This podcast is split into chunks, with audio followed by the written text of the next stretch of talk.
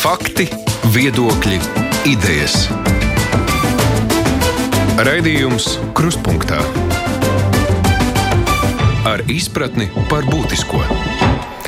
Šeit studijā esmu Aits Tomsons, un šajā stundā mūsu uzmanības lokā būs jaunā vīrusa epidēmija, pandēmija. Daudz cilvēku pēdējā laikā mums ir jautājuši, kāpēc valsts vispār pasaulē iet uz tik milzīgiem finansiāliem zaudējumiem. Kaut arī atzīst, ka apturēt slimības izplatīšanos pagaidām neizdosies, nu, un runa ir tikai par situācijas tādu pastiepšanu garumā. Premjerministrs Krišāns Kariņš izsludinot ārkārtas stāvokli skaidroja, ka nu, viss tiek darīts tāpēc, lai nepieļautu strauju saslimušo skaita pieaugumu, jo tad ir tas risks, ka veselības sistēma ar situāciju vairs netiek galā. Kāda tad ir mums aina Latvijā? Kam mēs esam gatavi? Kur mums ir tā nu, kritiskā robeža, kurai pārkāpt pāri būtu bīstami un kādiem attīstības scenārijiem, kādā veidā mēs vispār gatavojamies. Jau no vakardienas kruspunktā mums šeit ar viesiem strādā tikai attālināti, tādēļ arī šodien mēs turpinām šo pašu veidu izmēģināt, kā strādājām vakar, tikai mums šodien ir vairākas saslēgšanās video diskusijā attālināti vienlaikus. No Veselības ministrijas vidas veselības nodaļas vadītāja Jana Feldemana mūs, es ceru, dzirdu un redz, labdien! Tad arī neatliekamās medicīniskās palīdzības dienas vadītāja Liena Cipurla. Labdien, jums, Cipuls kundze! Daugaupils reģionālo slimnīcu mums ir pievienojies vadītājs Grigorijs Semjonovs. Semjonovkungs, labdien! Labdien! Un arī Latvijas ārstu biedrības vadītāja Ilza Aizsilniec. Labdien! Labdien! Tas pirmais jautājums ir faktiski, droši vien Feldmans, un sāksim ar jums. Ar ko tad mēs esam gatavi strādāt? Kas ir tā riska robeža, kurā tad mums sāktos kādas problēmas?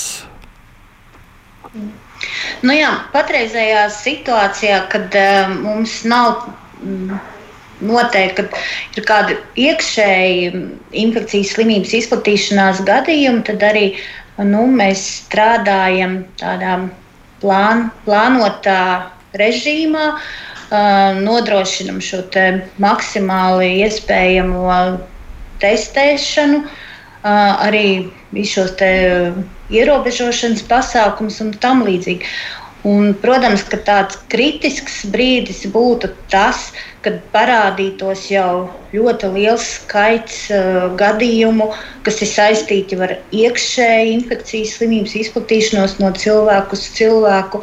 Uh, šie gadījumi, kas būtu nekontrolēti, ka mēs nevarētu izsekot to izcelšanās uh, avotam, un arī ja šie te jau būtu ļoti daudz smagi saslimšanas gadījumu, kuriem būtu nepieciešama ārstēšanās slimnīcā, intensīvās medicīnas palīdzība. Kas tā, tāda, ir? Tas būtu jā. Kas ir tas ļoti daudz cilvēku? Mēs runājam par simtiem, par tūkstošiem. Kam mēs esam gatavi? Um, nu, tas ir atkarīgs no situācijas, jo uh, šobrīd, uh, tas, tomēr tas pacientu skaita pieaugums ir uh, pakāpenisks, tad arī mēs nevaram runāt par, par, par tādu kritisku situāciju. Protams, ja uh, tieši šis te, uh, ļoti smago uh, saslimšanas gadījumu skaits būtu vairāki simti, tad, protams, tas jau būtu kritiski. Cipels kundze, kas no tāda neatiekamās medicīnas palīdzības dienas skatu punkta būtu tā krīze, kurā jūs teikt, uh, nu nezinām, ko tagad darīt? Nu, ir jau tā, ka īstenībā gatavības robežām nav ne sākuma, ne beigu. Es varbūt negribu izklausīties ļoti filozofiski, bet tātad mēs nevaram ļoti precīzi pateikt, kam mēs esam gatavi, ja mēs nevaram nodefinēt, kas ir tā situācija, kuriem mums jābūt gatavai, gataviem. Un man liekas, ka lielākā gatavība ir uh, mūsu galvās un mūsu spējā uh, vērtējot to, ko mēs redzam uh, no citu valstu pieredzes, jo mēs neesam pirmie. Mēs tiešām varam sekot no sākuma Ķīnai, pēc tam Eiropas valstīm, Itālijai un tagad un šo situāciju modelēt, kas kam tad mēram varētu būt gatavi Latvijā. Un teikt, ka jā, mēs esam ļoti gatavi attiecībā no tā, kā mēs mēģinām vadīt šo situāciju. Mums ir arī katastrofa medicīnas plāns, kurā gan nekad, nekas nav ierakstīts par gatavību Covid-19. Tā ir tā lielā atšķirība, kad nodefinēt, kam tieši mēs pašlaik gatavojamies, mēs nevaram. Tomēr mēs redzam, ka šie ierobežošie pasākumi, tad masveidīgā simptomātisku pacientu testēšana, apzināšana, sabiedrības informēšana, slimnīcu gatavība gatavības palielināšana, gultu pārprofilēšana. Tas viss ir tas process, kas pašlaik ir ieslēgts. Mēs ļoti ceram, ka mums izdosies tādā kontrolētā veidā arī tikt galā. Neskatoties uz to, ka resursu galvenais likums ir tas, ka viņi vienmēr ir par maz. Latvijā cilvēki, mediķi ir piedzīvo, pie, piedzīvo to, ka mēs īstenībā jau sen dzīvojam tādā resursu badā. Un varbūt arī tas ir tas, kam mēs bišķi esam vairāk gatavi. Eh, mums ir jāspēj pieņemt lēmumu ierobežotus eh, resursu apstākļos, un to mēs darām daudz labāk. Iespējams, nekā eh, to varbūt darīja sākumā Itāļi, kas varbūt bija mierīgi, jo mēs esam ļoti laba sistēma, mēs esam stabila sistēma, mums viss ir, un, un varbūt viņiem tas apjukums tāpēc arī kādā brīdī bija lielāks. Tā kā es nevaru teikt, ka mēs varam nosaukt kaut kādu pacientu skaitu, tādēļ, ka tātad pacienti var būt ļoti dažādi. Pirmkārt, viņi var būt ļoti smagi, viegli stacionējami. Nevajag aizmirst, ka, ja ir ļoti liels smagu pacientu skaits, kāds arī nomirst, tad mums visu laiku tas daudzums, mūsu gatavības resursu daudzums, nav ļoti stipri definējams. Bet, bet, nu, esam... bet jūs, piemēram, zināt, cik, cik daudz jūs varat tādā nu, vienlaikus izsaukumiem reaģēt. Nu, ja tajā brīdī zvana daudz, vienlaikus uz 113, jūs arī nevarat uzreiz visiem atbildēt. Jā, mums lielākā problēma pašlaik tiešām tieši zvanu daudzums, un tas mūsu lielākais izaicinājums.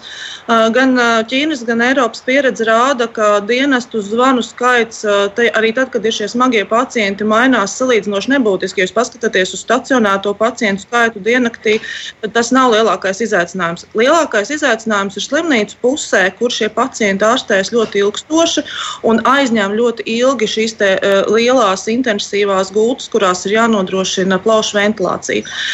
Tāpēc, piemēram, dienests, jā, mēs zinām, ka mēs samazinām pat to izsaukumu skaitu, kuri mums pirms, tam nebija šie dzīvību glābjošie izsaukumi, un mēs varam pārprofilēt darbu tā, ka nu, nebūs vienlaicīgs. Saprotiet, liels izsaukuma skaits katastrofu medicīnā, tas ir sprādziens, ugunsgrēks, slidmašīnas avārija, vilciena avārija, kas ir ļoti liels lodziņš dienestam, neatliekamās palīdzības dienestam. Šis ir savādāka veida apdraudējums. Mums būs līganāks šis izsaukuma pieaugums, kurus mēs fiziski reāli veiksim. Tomēr izsaukumi būs daudz sarežģītāki, prasīs individuālos aizsardzības līdzekļus, ģērbšanās laiku, tad izsaukuma pavadītais laiks palielināsies. Bet lielākās vērojami tieši domāju slimnīcu sadaļā. Uh, par mediķu nu, to gatavības, aizsilnieces kundze, kā jūs redzat, kur ir tā mm, robeža? Nu, piekrist uh, Cipuls kundzei, nu, ko nozīmē robeža? Nu, robeža ir jautājums, cik tie ārsti varēs strādāt. Skaidrs ir tas, ka Itālija pašreiz uh, ir izziņojusi visai pasaulē, ka viņiem trūkst ārstu un māsas, jo viņi nevar to nodrošināt. Mums jau ārsti un māsas trūka pirms, pirms šī Covid. -a. Bija skaidrs, ka mums trūkst ārstu un māsas. Un, uh, bet pašreizējos apstākļos visi kolēģi strādā, strādā 24 stundas, strādā ļoti atbildīgi. Brauc, es zinu, ka pat Google laboratorija brauc līdz vēlai naktī, līdz diviem naktī uz mājām, uz izsaukumiem.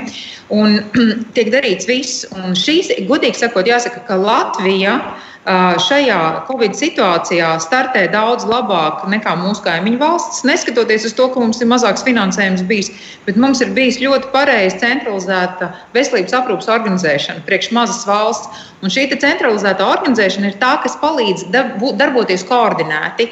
Un ko es gribu teikt, ka mēs tiešām darbojamies koordinēti visi un mēģinam katrs to savu lauku atbalstīt. Cik varam, tik atbalstīt cilvēkus, ar kuriem mēs esam kopā, ar pareizu informāciju, ar, ar ļoti nu, teiksim, tādām it kā sīkumiem, kas tomēr padara cilvēku. Nu, to dzīvi vienkāršāk, kaut vai ģimenes ārstiem, piemēram.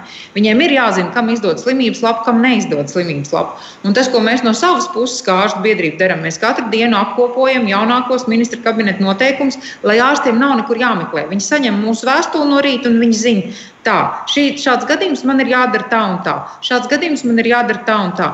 Mēs mēģinam viens otru atbalstīt, cik varam. Un es gribu teikt, ka nu, Covid-19 ir parādījis, ka mūsu sistēma ir tā, kas var un spēj sadarboties. Ja jūs jautājat par, par to, cik mēs varam uzņemt pacientus, mēs zinām, cik mums ir visās slimnīcās intensīvās terapijas gultas un reanimācijas. Cik mums ir? Tas jau viss ir sarēķināt.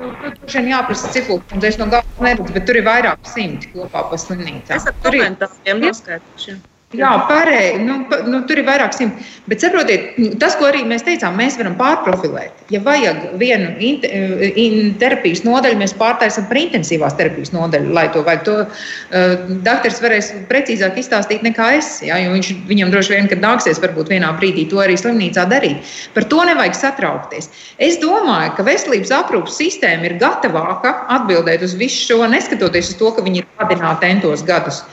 Uh, nekā mūsu iedzīvotāji.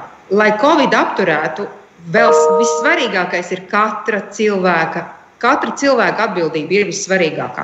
Attieksmē pret līdzcilvēkiem. Tas ir vissvarīgākais, un uz to mums vajadzētu koncentrēties. Un nevis tur maskas, nav maskas, vēl kaut ko par maskām ir dažādi. Bet tieši tas, ka, ja es esmu atbraucis no šīs te, uh, Covid skartās teritorijas, nu es neju 14 dienas ārā no mājām, nu es nestaigāju uz veikaliem iepirkties. Es palūdzu kādam, lai man atved to visu uz mājām. Cilvēku atbildība būs tā, kas izšķirs to, kādi mums būs rādītāji pēc 14 dienām ar saslimstību, un kādi pēc trim nedēļām būs rādītāji ar mirstību. Mm. Cik kundze jūs teicāt, ka jūs varat to skaidrs minēt? Jā, es, es pie reizes izstāstīšu varbūt, tādu ievadu, lai jūs saprastu par gatavību. Neatliekamās palīdzības dienests pavisam nemaz nebija gatavs ņemt laboratoriskos paraugus. Un vēl pirms uh, divām nedēļām ne, valstī nebija nekādu iespēju norganizēt masveidīgu m, paraugu paņemšanu. Nebija tāda dienesta, kam varētu teikt, nostājieties, ejiet tur un dariet visu, kas zina visus tur papīrus un, un māk arī paņemt šos paraugus, un visa loģistika ir sakārtot ar analīzēm. Mūsu mūsu tā labā lieta, ka mēs tiešām varējām lēnām iešūpoties. Sākumā vedām uz laboratoriju, ņemt analīzes, tad mēs sākām veidot brigādes, sapratām, ka tas ir ļoti dārgi, laikietilpīgi, nevarēsim attīstīt. Nu jau mēs esam teltīs, nu jau mēs esam lidostā, katru dienu varam vaļā jaunu vietu.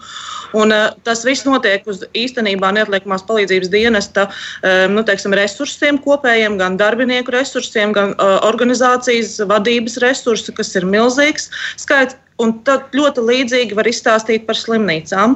Tātad slimnīcu gultu skaits, reanimācijas gultu skaits visās slimnīcās kopā ir 255. Tās ir visas smagākās aprūpes gultas.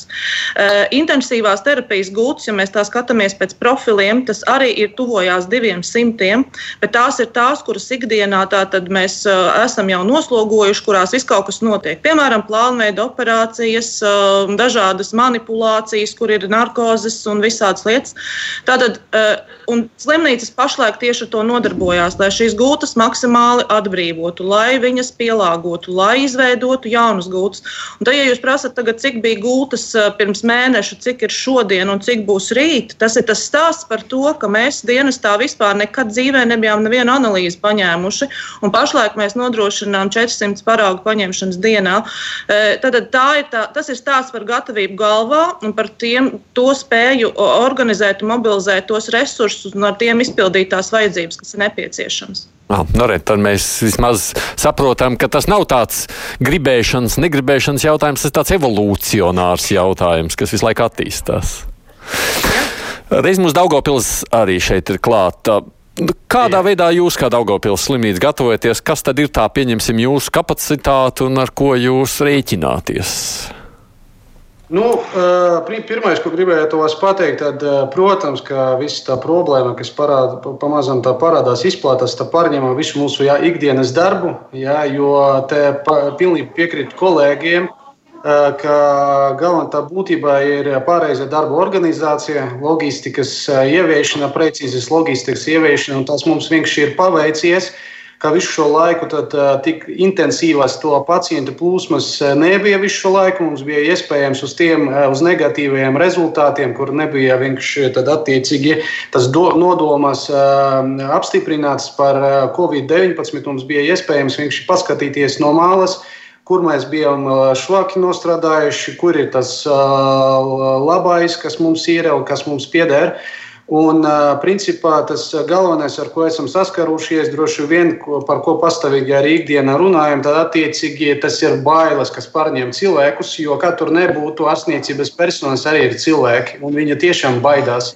Un, uh, tā, tā ikdienas darbs, ko mēs pastāvīgi arī nodrošinām, tas ir tas diskusijas, tas ir tas sarunas ar kolēģiem, lai izskaidrotu, ka ir nepieciešams veidot kolektīvo to komunikāciju pareizo, kā, kā ir jādefinē, kā ir jādiagnosticē tā slimība.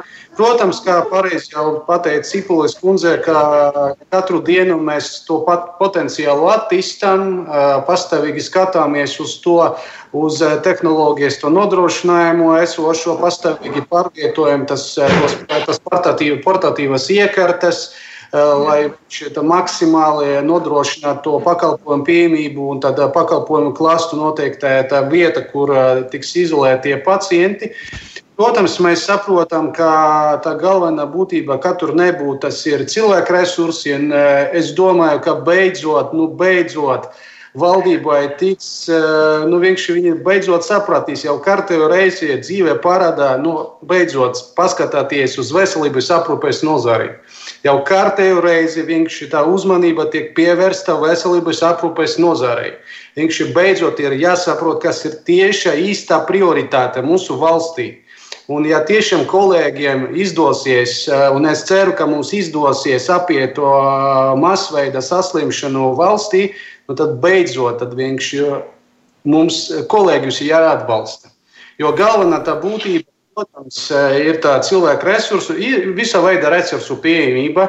Jo, ja loģistika nenostrādās, jo tad pat tas rezerves, kas ir pieejamas slimnīcai, nu, to nepietiks. Ja loģistika pareizi nostrādās, tad iespējams eh, mēs varēsim kādu laiku ietaupīt gan aizsargu līdzekļus, eh, gan cilvēku resursus. Te ir jābūt pareizai loģistikai. Eh, mēs mācāmies.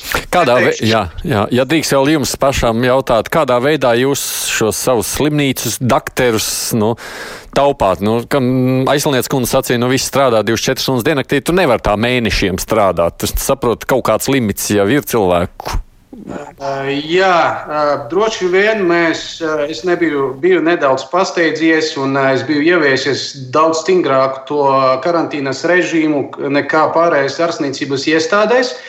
Jo es biju redzējis, ka nu, saprāšanas sakotnēji no kolektīva nebija, ka tas tiešām ir svarīga lieta, ka tas nav liekas smieklīgi no sociālajiem tīkliem. Uh, Un, lai kaut kā pievērstu to uzmanību gan no iedzīvotājiem, gan no vietējiem politiķiem, gan no ārstniecības personām, bija ieviesis to stingrāku karantīnu. Sakotnēji bijām sakuši ar apmeklētāju to laika ierobežošanu.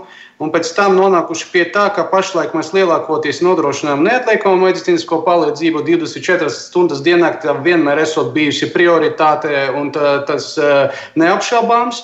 Protams, onkoloģiskie pacienti, chroniskie pacienti, lai novērstu pasinājumu rašanas iespējas grūtniecies, bet visu, ko varam, mēs atsākam.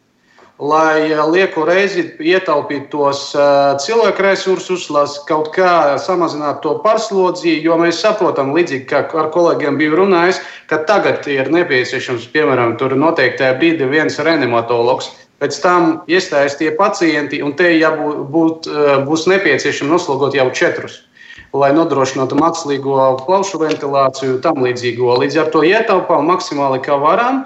Un es vienīgais moments, es saprotu, ka te, tie būs zaudējumi, jo atkal, kā darba devējai, man bija jāuzņemās tā atbildība, ka tas ir mans lūgums, tas ir no, mana, no manis attiecīgi ieviestais karantīns, un kolēģiem nav jācieš no tā visa, jo lielākā daļa saņem to akortu algu, visādā veidā piemaksās par kvotu izpildi, līdz ar to. Nu, droši vien arī nu, iesim tie uz tiem. Nu, tas abi tie apzināti zaudējumi, bet uh, tas okay. ir motivācija kolēģiem. Uh, lieku reizi neļaut tiem nepamatotiem pacientiem nokļūt slimnīcā. Tur ir tā lieta. Mm -hmm. Papriekš vēl, jā, sakiet, aizsmeļs, kundze. Vienkārši tas, kas ir, ko arī daudz slimnīcas patreiz dara, ne tikai Daugopilī, ka mēģina pārskatīt tos pacientus, kuriem, piemēram, plānveida operācija, vai tā plānveida operācija ir jādara pašreiz, vai viņu var tomēr pārlikt uz rudens pusi, vai tad, kad situācija sakārtojās. Un, protams, kad ir cilvēki, kas ir gaidījuši to plānveida operāciju nu, gadu vai divus, ja, un viņi grib to darīt tagad, un būtu labi, ja mēs, mums būtu šī apusējā izpratne, ka pašreiz ir lietas, ko var atlikt atliekam, taupam mediķu resursus, taupam mūsu sistēmas resursus, lai varam palīdzēt akūti slimajiem cilvēkiem un izējam cauri kopā šai sarežģītajai situācijai. Arī būtu svarīgi. Mm. Kāda ir situācija neatliekamā medicīnas palīdzības dienestā vispār šobrīd ar mediķu tieši jūsu resursiem? Īpaši, ka jūs sakāt, nu jums tas pienākuma apjoms, tas ir ļoti strauji audzis klāt. Kā jūs tiekat galā ar šo? Cilvēki jau ir tik, cik ir. Jā, bet dienests, ja jūs pamanījāt, iepriekšējos divus gadus veica ļoti plašu, plašas pārmaiņas. Pirmkārt, dienesta darbinieku domāšanā, otrkārt darba organizācijā, un mēs tiešām uh, esam daudz gatavāki uzņemt šo uh, nu, teiksim, krīzi uh, un epidēmijas draudus, kas jau mums ir ļoti reāli, nekā mēs bijām pirms uh, gada. Jo mēs esam iemācījušies dažādas brigāžu profilus veidot, mēs esam iemācījušies strādāt pa vienam, uh, mēs esam iemācījušies atdalīt brigādes ar pre precīziem profiliem pēc visiem uh, tātad, mērķa motīviem, uz kuriem mēs dodamies. Uh, mēs esam samazinājuši virsstundu skaitu, tagad mēs viņu varam atjaunot. Darbinieki atkal var iet tajās sliedēs, varbūt, ko viņi darīja vēl pirms kāda laika. Viņi ir gatavi šo darīt, jo viņi jau kaut kad ir bijuši tajās lielajās virsstundās. Tad mēs esam ieguvuši kaut kādu iespēju šajā brīdī reaģēt daudz aktīvāk. Tas, kas mums ir tiešām problēma, tas ir um, zvanu centrs.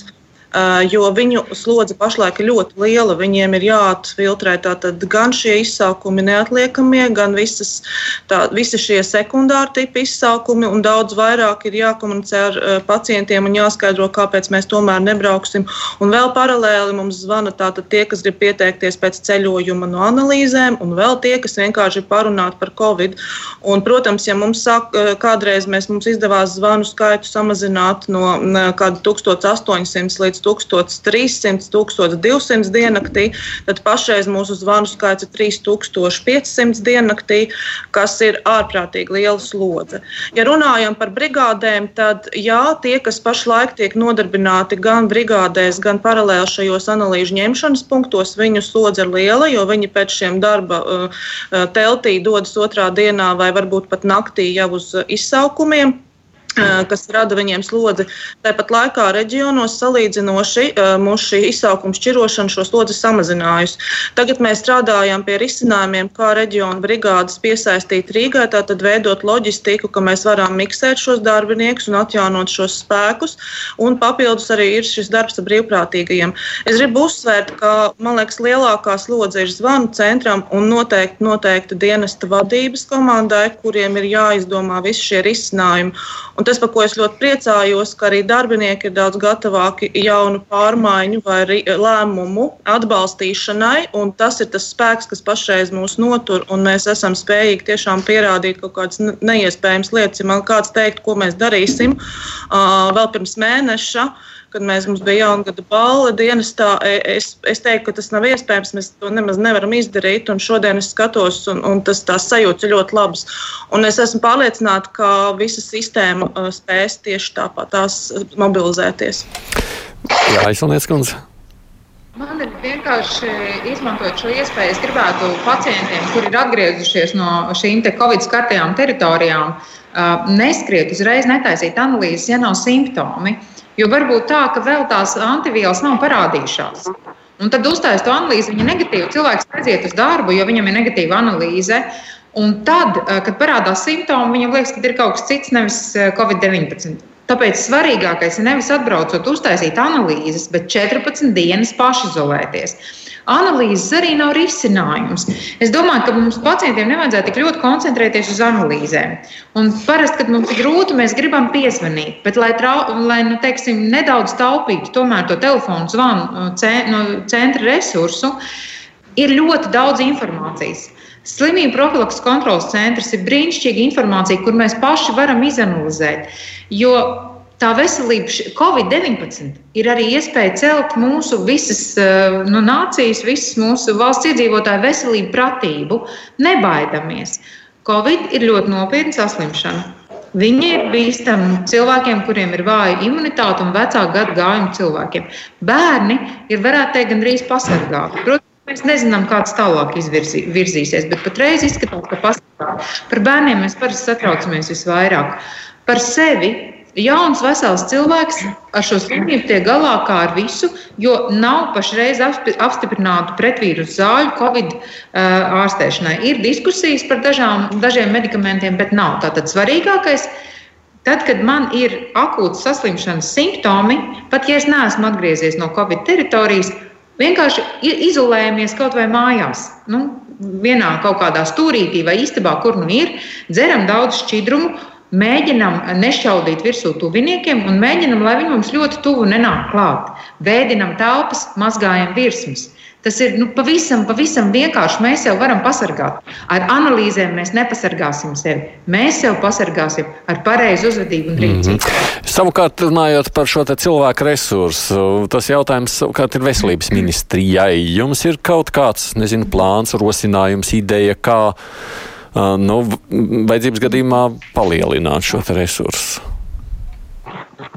Jā, protams, ka arī katru dienu tiek nu, monitorēta šī situācija, tiek izvērtētas arī kaut kādas problēmas situācijas. Pirmkārt, jau kas tika minēts, katru dienu tiek vērtēts, vai kaut kādā veidā pārplānot šo ārstniecības iestāžu darbu mainīt šo te varbūt speciālistu iesaisti un, novirzīt tieši šo te Covid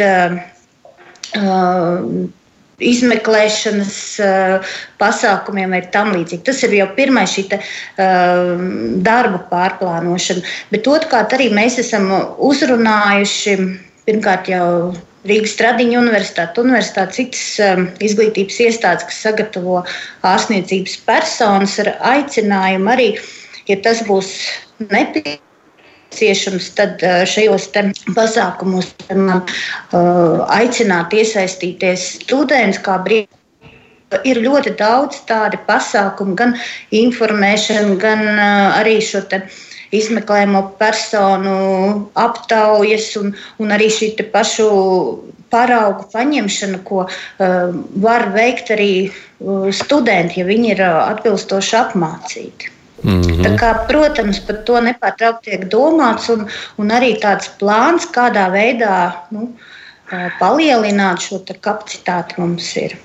Es droši vien atgādināšu tikai klausītājiem un skatītājiem. Mums šeit uh, attālinātā video diskusijā šobrīd piedalās no Veselības ministrijas Jana Feldmana, no neatliekamās medicīniskās palīdzības dienas Liens Ipul, no arī Latvijas ārstu biedrības Ilza Aizsilniece un no Daugopils slimnīcas arī šeit mums ir slimnīcas vadītājs iesaistīts Grigorijs Semjonovs. Raidījums Krustpunktā. Turpinot savukārt par šo te tehnisko, jeb nu, tādu palīgi ierīču nepieciešamību, mums asnāte Breziņa Kalniņas kundze prasa šādi. Cik Latvijā tad ir to plaušu ventilēšanas iekārtas? Saprotu, ka tikai 200, un šobrīd Latvija veids kādas iepirkums. Cik tad esam pasūtījuši, cik reāli vispār tos ir saņemt, jo pieprasījums taču pēc iekārtām Eiropā ir ļoti liels. Kurš var atbildēt uz šo jautājumu? Cipels kundze. Ja? Nāšu no tiem cipriem, kas ir, tad ir runa par stacionārām iekārtām un portatīvām. Tās portatīvās nav tik ļoti uzskaitītas kā tās stacionārās, bet stacionārās pašlaik, kas ir lielās, kas ir slimnīcu uh, rīcībā, tātad ir uh, 270 iekārtas. Uh, vēl atsevišķas iekārtas atrodas arī valsts materiālajās rezervēs, un šādas iekārtas ir arī neatliekamās palīdzības dienas rīcībā pacientu transportēšanai. To, protams, ja iestātos situācija, ka mums ir jāventilē vēl vairāk pacienti nekā ir teiksim, slimnīcu rīcībā šīs iekārtas, tad tiktu meklēt arī risinājumi attiecībā uz portatīvo iekārtu pielietošanu un tam līdzīgas lietas. Tāpēc arī tad, kad tika pieprasīts papildus finansējums, dienests pieprasīja iegādāties papildus portatīvās plašmākslīgās ventilācijas ierīces, kuras būtu nomaina, mēs varētu nomainīt tās lielās, kas mums ir mašīnā, pret tādām mazākām, lai varētu nepieciešamības gadījumā palīdzēt un atbalstīt arī stacionārus. Piekārtu iegāde nav vienkāršs process, un arī viņas ir pietiekami dārgas, lai to varētu organizēt ātri, kā arī pašreizējā situācijā arī ar dažādu tehnoloģiju piegādēm ir problēmas visā Eiropā. Tieši uz visiem vajag vienu un to pašu. Tātad ļoti daudz šādu uh, iekārtu, kuras ikdienas dzīvē bija pilnīgi pietiekami un pat stāvēja varbūt kaut kādā stūrī. Tagad vilktas ārā. Bet es gribu arī uzsvērt, ka tas nav tikai Latvijas stāsts. Tieši tāpatās par šādām iekārtu trūkumu sūdzās arī, tā, piemēram, Itālija, un tā bija problēma arī Ķīnā. Mm. Jā, jā, jā veselības ministrija vispirms. Jā. Piebilst, ka Jā, ņemot vērā, tiešām, ka šī problēma aptver visu Eiropas Savienību, arī, tad arī Eiropas komisija šobrīd ir apzinājusi valstu vajadzības un arī ir iesaistījusies. Un, um, arī ir tādi mēģinājumi šo centralizēt, nodrošināt tādu iepirkumu visām uh, dalību valstīm. Kad tas varētu būt? Kad tas varētu būt? Kad? Uh, nu, grūti pateikt, tas ir šonadēļ. Šis te, um, ir apzināts vajadzības, un, un tas uh, tiek organizēts ļoti ātri. Arī kāda mums ir pieredze, šobrīd Eiropas komisija ļoti ātri strādā. Mm, Aizsalnieks kundze gribēja ko sacīt? Es gribēju teikt, ka mēs jau varam nenonākt līdz tādai situācijai, ka mums vajag 400 elpošanas. Mums viņi ir labi, mēs varam nenonākt, un tas ir atkarīgs. Es, es, es varbūt atkārtojos un atkārtojos, bet es to darīšu. Jo tas pašreiz ir atkarīgs no katra iedzīvotāja uzvedības. Vai viņš aizies no tās eh, Covid eh, valsts, atvedis to brīnišķīgo. Mm SARS-CoV-2 vīrusu pie savas vecmāmiņas vai liks viņai mieru. Jo nu, mēs jau redzam, kas ir ka, kas ārstējās šīs ICU vai no reanimācijas nodaļās gan Ķīnā, gan, gan Itālijā. Ja? Esam atbildīgi. Jo saprotiet, atkal arī tagad, nu labi, iepirksim. A, ko, nu, paldies, es ceru, ka Covidām visu mūžu nedzīvosim. Tad mēs būsim iztērējuši lielu naudu, un tad tie aparāti kaut kur stāvēs un putēs. Ja? Mēs faktiski būsim ieguldījuši liels resursus, un pēc tam tas īsti jācer, ka nebūs mums ikdienā vajadzīgs tik daudz. Tāpēc, nu, Mums ir tik brīnišķīgas iespējas netērēt lieki naudu šajā gadījumā. Ar vienu vārdu - paliec mājās. Ja runājam savukārt par Daugopilu, nu man, man, es priecājos tādā ziņā, ka mums arī šeit viena konkrēta slimnīca. Nu, kaut vai šis pats ventilēšanas, plaušu ventilēšanas aparāta pieejamība. Kāda tad ir jūsu tā gatavība, ko jūs darāt, ja gatavojoties, domājot par tālāko?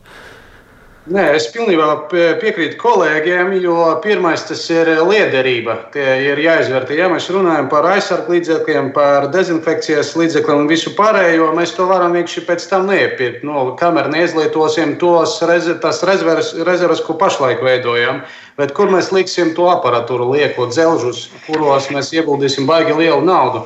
Jo te ir jāsaprot, ka viena diezgan standarta iekārta maksās ap 14,000. Tur ir tā lieta. Un, principā, pašlaik mūsu rīcībā ir ap 20 eh, iekārtām. Tā ir skaitā 6 neinvazīvas.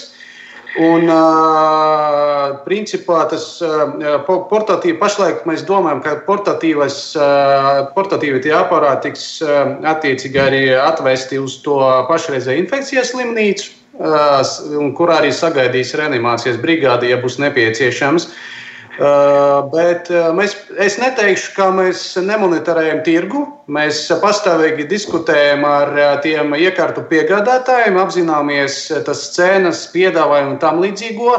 Bet es atkal pilnībā piekrītu, man negribētos steigties. Jo, kad tur nebūtu ārstniecības iestāžu, to šitā esošais finansiālais stāvoklis arī nav gluži superīgs. Un, līdz ar to ir jābalansē, jāsabalansē esošā situācija un jāsaprot, kur ir jāieguldā tie līdzekļi. Nu, Priem, citādāk nav iespējams, un kur ir iespējams tomēr nedaudz uzgaidīt, un izvērtējot jau to statistiku, saslimšanas gadījumu skaitu, tur jau attiecīgi verot un tad attiecīgi rīkoties. Nu, droši vien jā, nav jau runa par tādiem lieliem, bet kaut kādi tādi nelielie portatīvi, pat droši vien kaut kādi aparāti jau arī cilvēkiem mājās ir bijuši. Nu, vai nu viņiem kāds tuvinieks bijis spiests tādu lietot, nu, kas nav lieli, jā, bet nu, kas palīdz cilvēkiem elpot, dabūt skābekli un tam līdzīgi. No tiem arī mm, jāeksistē tāda aparāta, kur ir skābekļa elpošanai, ir katra ģimenes ārsta praksē jābūt. Nu, tas ir nu, tas, teiksim, tas, kas ir vienkārši, bet tas jau, tas jau neatrisinās jautājumu, kas ir mājās. Tas neko nepalīdzēs. Tas, mhm. Ja mēs tagad nopirksim 100 aparātus par 14,000 vai 200 aparātus par 14,000, un pēc tam viņus noliksim, lai viņi kaut kur putu, nu, tā ir ļoti neloģiska nu, līdzekļu tērēšana.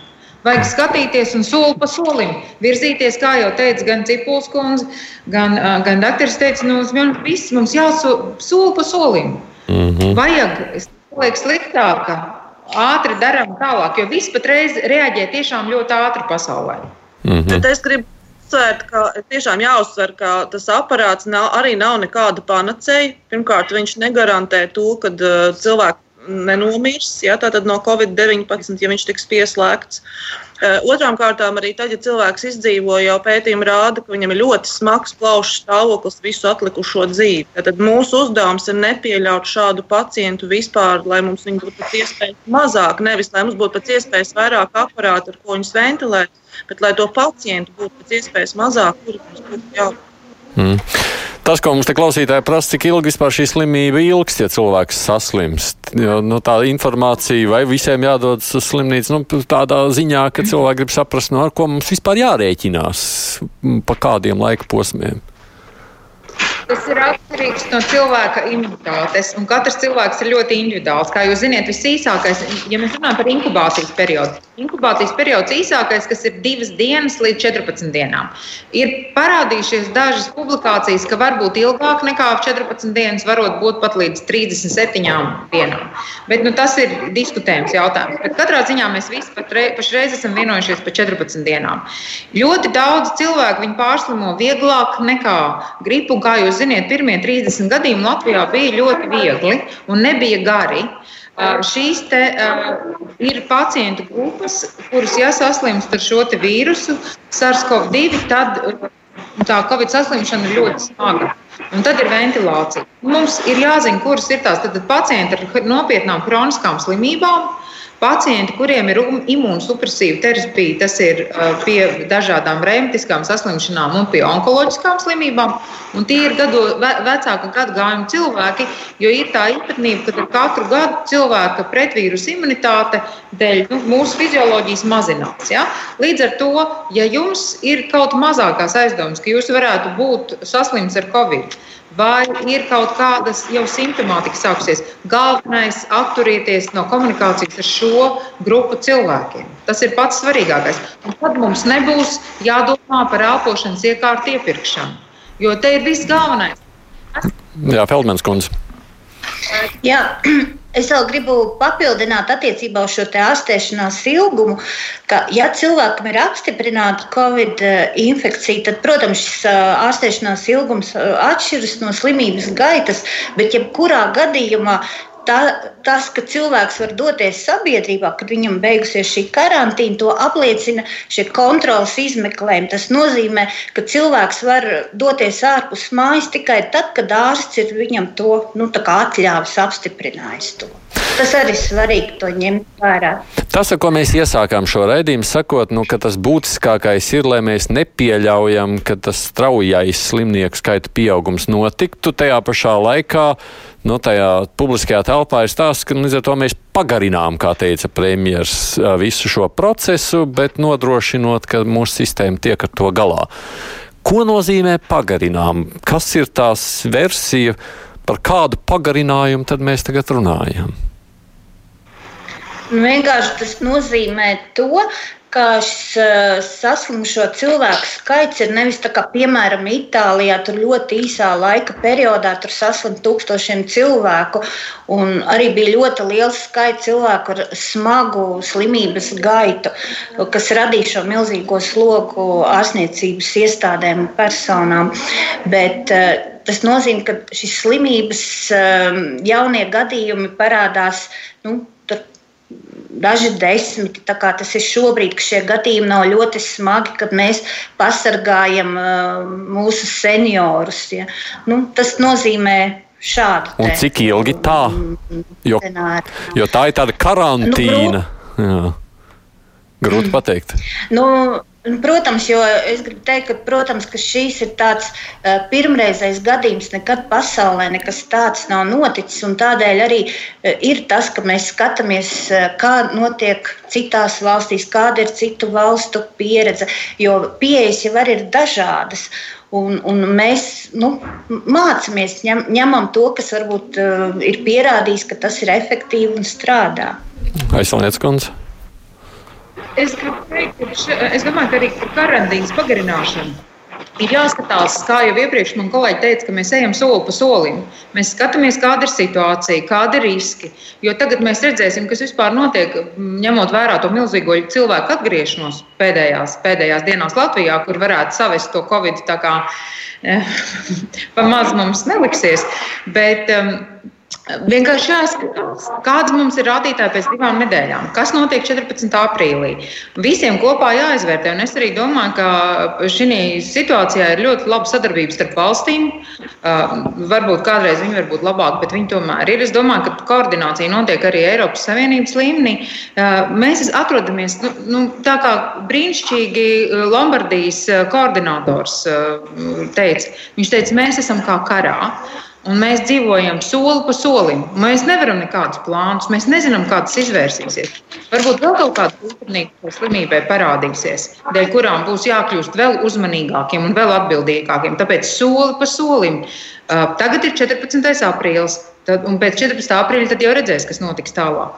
Jā, bet nu, es saprotu, ka tas resurss reizēm ir tik ļoti ierobežots, un tāpat Cipuls kundze, nu, cik ilgi jūs varat tādā, nu, tādā paaugstinātā stresā, kā jūs teicāt, ar daudz virsstundām, nu, nu, nu, cik ilgi tā var mēnešiem? Gadi, nu, gadiem nedroši vien ceru. Cipuls kundze. Nē, tāda brīnišķīga vispār kopējā iespēja pielāgoties visamām. Eh, un es domāju, ka mēs pie visu laiku strādājam. Tā, es jūs lāga nedzirdu šobrīd. Man kaut kādiem iemeslu dēļ vai nu mikrofons ir jums pazudis sliktāks. Mēģiniet vēlreiz sacīt. Dzirdam? Nedzird? Dzirdam? Tagad dzird labāk, jā. jā, jā. Uh, es aizmirsu tagad to garo domu, bet es domāju, tā, tā kopējā mūsu spēja pielāgoties, eh, tas jau viss parādās. Un, piemēram, ja pirmajās kāpēc dienas vispār pirmajās rindās nokļūt? Tāpēc, ka mūsu iespējas operatīvi reaģēt un ātri centralizēti pieņemt lēmumus un spēt šos lēmumus arī realizēt dzīvē, tas bija tas pirmais.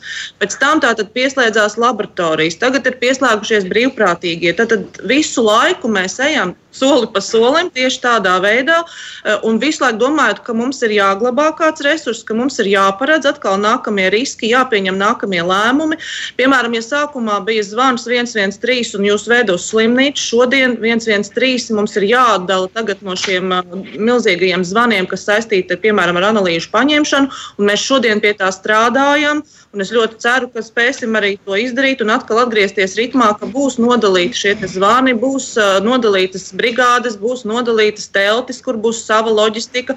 Jā, tas sarežģītākais ir izveidot šo vadības sistēmu, jo mēs pašlaik pārvaldām ne tikai neatliekamos palīdzības sniegšanu, bet nu jau um, veidojam loģistiku, rindas, sazinamies ar pacientiem uh, četrās uh, vietās, uh, četras tel, trīs teltis un, un, un vēl la, centrālā laboratorija, lidosta, brigāde brigādes, visu to spējam skaitīt, veidot cilvēkiem, tās analīzes tiek veiktas, tad tas process strādā un ir iedarbināts. Un tad ir nākamie izaicinājumi, kuriem mēs atkal gatavojamies.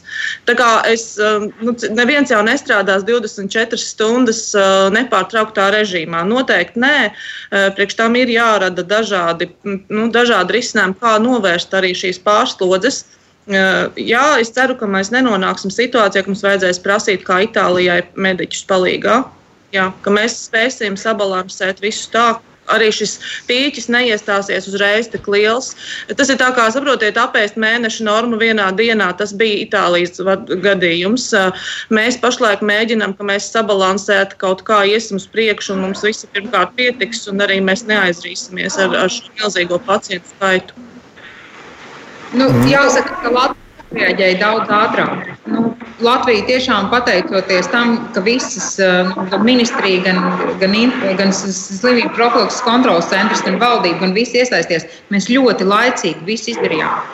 Mm -hmm. uh, tiešām situācija nav salīdzināma ar Itālijas situāciju. Mēs mācījāmies no citiem. Jā, man droši vien savukārt jautājums, ņemot vērā, ka man šeit priekšā ir redzami četri savas jomas speciālisti.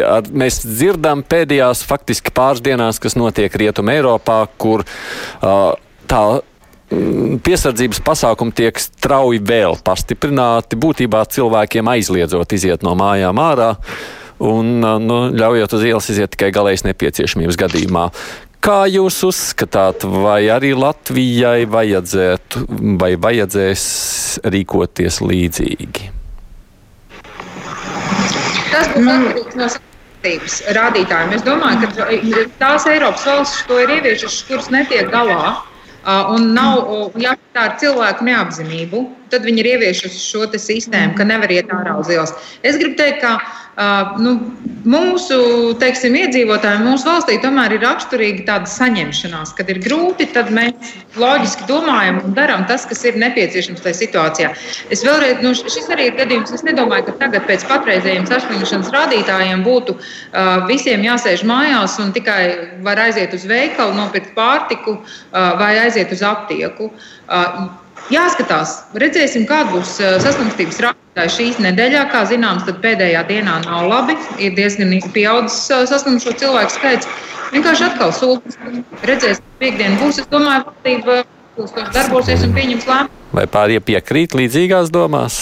Feldmans kundze. Es, es gribu nu, precizēt, vēl, protams, ka šeit, kā jau iepriekš minēju, ir ļoti svarīgi skatīties, cik daudz šie vietējais jau iekšēji izplatījušies gadījumi, cik ir daudz nekontrolētie gadījumi, bet par ko iespējams, ka nākotnē arī būs jādomā, ko arī dara citās valstīs, ir šie te, tomēr aicinājumi senioriem pēc iespējas izvairīties no nu, iziešanas sabiedrībā, iziet ārpus mājas. Tā noteikti būtu tā pirmā uh, iedzīvotāja grupa. Arī cilvēki ar kroniskām slimībām, ar tie, kuriem ir vislielākie riski no šīs Covid-19 uh, saslimšanas. Mm -hmm. Cik pals Es savukārt gribētu runāt, ka mēs varbūt šodien runājam, uh, cik gatava ir sistēma, cik gatavi ir mediķi, cik gatavi ir slimnīcas un dienests. Bet uh, mums tiešām vajadzētu sākt katram savu pateikt, cik gatavs es esmu pats iesaistīties un ko es šodien darīju, lai apliecinātu savu gatavību. Jo man, uh, klausoties tos stāstus, ko man stāsta, kādi mums zvana, uh, zvani ienāk un par ko cilvēki runā, uh, nu, no vienas puses pat dzīvā anekdote, brīžiem liekas, nu kā var būt vispār kaut ko tādu izdomāt, tad cilvēkam vajadzētu sakoncentrēties uz informācijas visu izlasīšanu. Tālāk viņš var sastādīt kaut vai sev uz papīra plānu, ko viņš gatavs ievērot nākamās divas stundas, ko nākamās divas dienas un kādā veidā viņš savu gatavību apliecina.